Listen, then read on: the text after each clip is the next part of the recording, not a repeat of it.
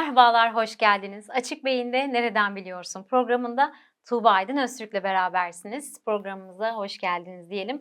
Bugün UNICEF'in 2021'in son günlerinde yayınladığı bir raporla karşınızdayım. Dünyada 240 milyon engelli çocuk var. Bu cümle tek başına belki çok fazla bir anlam ifade etmiyor olabilir sizler için.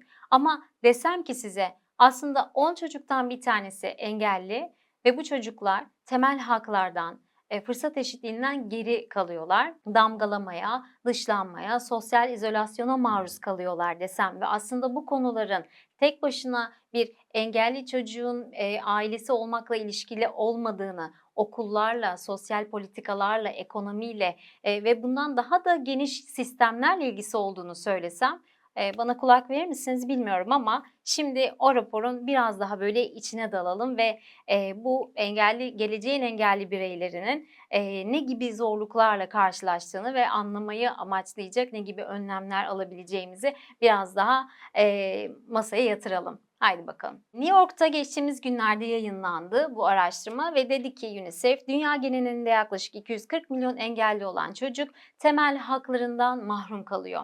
Şimdi araştırma tabii çok geniş. Ben daha çok e, fiziksel ya da tıbbi konuları işin dışında tuttum. Çünkü e, bu program nereden biliyorsun programı ben kendim de bir sosyal bilimci olduğum için daha çok mevzuların toplumsal taraflarına, kültürel taraflarına odaklanmayı kendine biraz daha görev edindi. Birincisine bakalım haydi.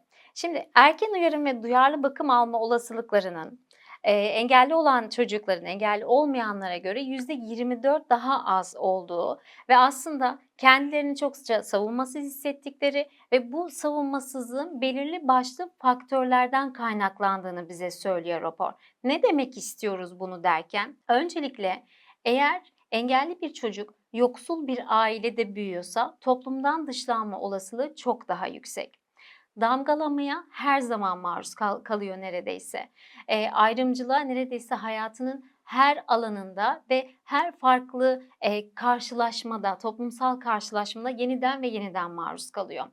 Bu sebeple aslında tüm bu faktörler yoksullukla birleştiğinde toplumların engelli bireylere nasıl baktığını anlamaya da e, anlamaya dair e, çözümler üretmeye çalıştığımızda da bir şekilde bu çocukların e, öğrenimden de geri kaldıklarını gösteriyor. Yani e, öğrenimden dışlanma, kurum bakımı altına alınmama, şiddete, istismara ve ihmale uğramada çok daha yüksek engelli olmayan çocuklara kıyaslandığında. İkinci özellik temel okuma ve aritmetik becerileri sahip olma olasılıklarının %42 oranda daha az oldu. Neden kaynaklanıyor bu diye bakıldığında aslında bu çocukların diğer çocuklara oranla anlamalarında herhangi bir problem yok. Yani burada herhangi bir eşitsizlik olamaz zaten. Yani biyolojik anlamda bir eksiklikten kesinlikle bahsetmiyorum. Bunu lütfen altına çizmek isterim. Bunun sebebi fiziksel anlamda erişilemeyen okullar, ders müfredatlarının standart olması ve asla ve asla engelli bireyleri içermemesi veya öğretmenlerin bunlara uygun, bu öğrencileri anlamaya uygun bir eğitimden geçmemiş olmaları, diğer tarafta akran zorbalığı, diğer tarafta velilerin sağlıklı diyebileceğimiz çocuklarıyla engelli çocukları aynı sınıfta eğitim görmesini istememeleri çok ciddi bir problem. E, bu sebeple Tüm bu materyallerden, tüm bu öğrenme modellerinden, tüm bu karşılaşmalardan uzak kalan engelli çocuklar bakın %42 çok ciddi bir oran. Aritmetik gibi, matematik gibi, dili çözmek gibi, temel okuma gibi becerilerden geri kalıyorlar. Ve bu beceriler aslında onların beyin fonksiyonlarına alakalı hiçbir durum e, barındırmıyor. Bu fonksiyonlardan geri kalmalarının sebebi toplumun onları e, sen ötekisin diye dışlamaları. Burada zannediyorum biraz madalyonu kendimize çevirme vakti gelmiş de geçiyor gibi görünüyor. Üçüncü önemli özellik karşımıza çıkan engelli çocuklar, engelli olmayan çocuklara göre %51 oranda kendilerini daha mutsuz hissediyorlar ve %41 oranda da daha fazla ayrımcılığa maruz kaldıklarını ifade etmişler. Pakete şöyle uzaktan baktığımız zaman rapor çok çeşitli bu arada. Aşağıda e, raporun detaylarını paylaşacağız mutlaka ki. Fiziksel özellikler var, biyoloji temelli özellikler var ama dediğim gibi bugün toplumla ilgili, sistemle ilgili, bizi de ilgilendiren, hepimizi ilgilendiren bir sorunsala parmak basmak istedim. E, UNICEF bu araştırmayı yıllardır yapıyor. E, sokağa çıktığımızda 10 kişiden bir engelli görmüyoruz. Böyle bir görünülmezlik problemi var. Çünkü aynı sokakta yürümüyoruz, aynı kafelerde takılmıyoruz. Bir yerden bir yere gitmek istediğimizde, toplu ulaşımı kullandığımızda bu bireylere rastlamıyoruz. Bu bireylere bizim daha az rastlıyor olmamız aslında onlar toplumda yok değil. Toplumda öteki tarafa doğru itilmiş olmaları, aynı toplumsal hayatı yaşamamamız. Aslında burada belki de utanç duymamız gereken konu bu. Peki UNICEF dediğim gibi yıllardır bu araştırmayı tekrarlıyor. E, bir, bir önlem paketi de sunmak zorunda değil mi? Yani hani bir bizim sosyal bilimlerde e, herhangi bir sorunu masaya taşımak önemlidir. Yani bir sürü e, materyal toplarsınız, insanlarla görüşürsünüz, araştırmalarınızı yaparsınız, bir sorun koyarsınız ortaya. Sonra da iyi bir bilim insanının yapması gereken aslında peki bu sorunlara nasıl çareler üretebiliriz sorusunu ikinci aşamada sormaktır. Şimdi onlardan biraz bahsetmek istiyorum. UNICEF'in burada hem topluma, toplumun her kademesindeki kişiye ve kişilere bir de hükümetlere çağrısı var. Birincisi şunu söylüyor. Lütfen tüm bireylere fırsat eşitliği tanıyın. Yani bütün çocuklar gibi bu çocuklar da yaşıtlarıyla aynı fırsat eşitliğine, aynı eğitim eşitliğine sahip olsunlar. İkincisi hizmetler. Bunlar sağlık hizmeti olabilir, sosyal hizmetler olabilir, kültürel e, faaliyetler olabilir. Tüm bunların çok kapsayıcı ve erişilebilir olması.